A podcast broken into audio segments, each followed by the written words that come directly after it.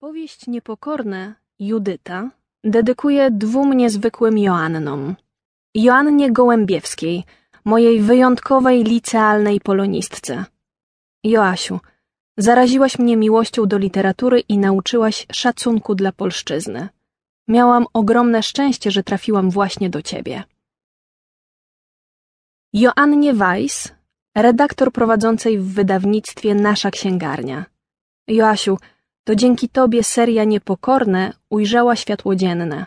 Masz dar przekonywania, podtrzymywania na duchu, dodawania odwagi i obłaskawiania dzikich zwierząt. Zawdzięczam ci nie tylko genialnego kota. Rok 1905 Prolog Stój spokojnie, skarbie. Wiercisz się i wiercisz, nie mogę cię uczesać. Wybierzemy białe wstążki. Mają piękny perłowy połysk. Mówiła Judyta, rozczesując włosy sześcioletniej dziewczynki. Musisz wyglądać wyjątkowo, Haniu. Babcia świętuje imieniny. Bądź więc grzeczna i zachowuj się jak należy. Złóż życzenia, tak jak cię uczył tata. Pamiętasz? Nie grymaś podczas obiadu. Nie pytana milcz. I nie śmiej się nazbyt głośno.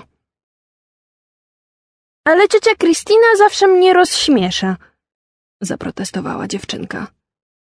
No, mimo wszystko nie wypada, abyś śmiała się jak szalona.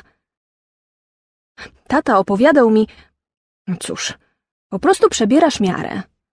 Dobrze ułożona panienka potrafi nad sobą panować. Obiecaj, że zachowasz stosowną powagę.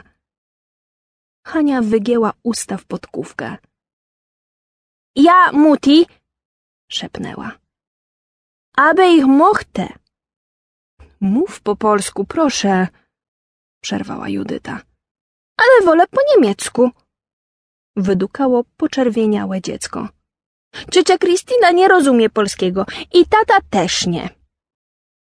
Już zapomniałaś o naszej umowie? Gdy jesteśmy same, wprawiasz się w mówieniu po polsku. Dobrze, pokaż się. Wyglądasz ładnie i schludnie, kochanie. Obróć się. Tak, nic ci nie można zarzucić. Moim zdaniem wyglądasz doskonale. To był rytuał.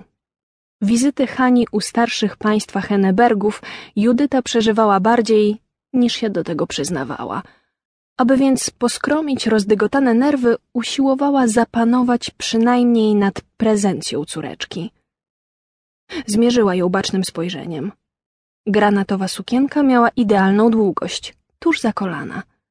Zapinane na rząd guziczków botki lśniły nieskazitelną czernią. Niesforne zazwyczaj kędziory udało się upiąć w prostą, pełną uroku fryzurkę.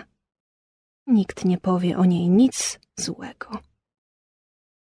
Judyta uśmiechnęła się do dziewczynki i nagle uderzyła ją myśl, że to ciemnookie dziecko o gęstych, kędzierzawych włosach nieco tylko jaśniejszych od jej własnych, jest krwią z jej krwi, kością z kości.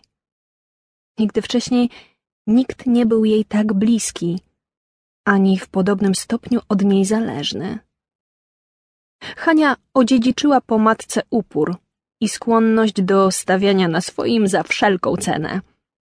Judyta myślała niekiedy, że są niczym bliźniacze krople wody, bo widziała w niej siebie sprzed lat.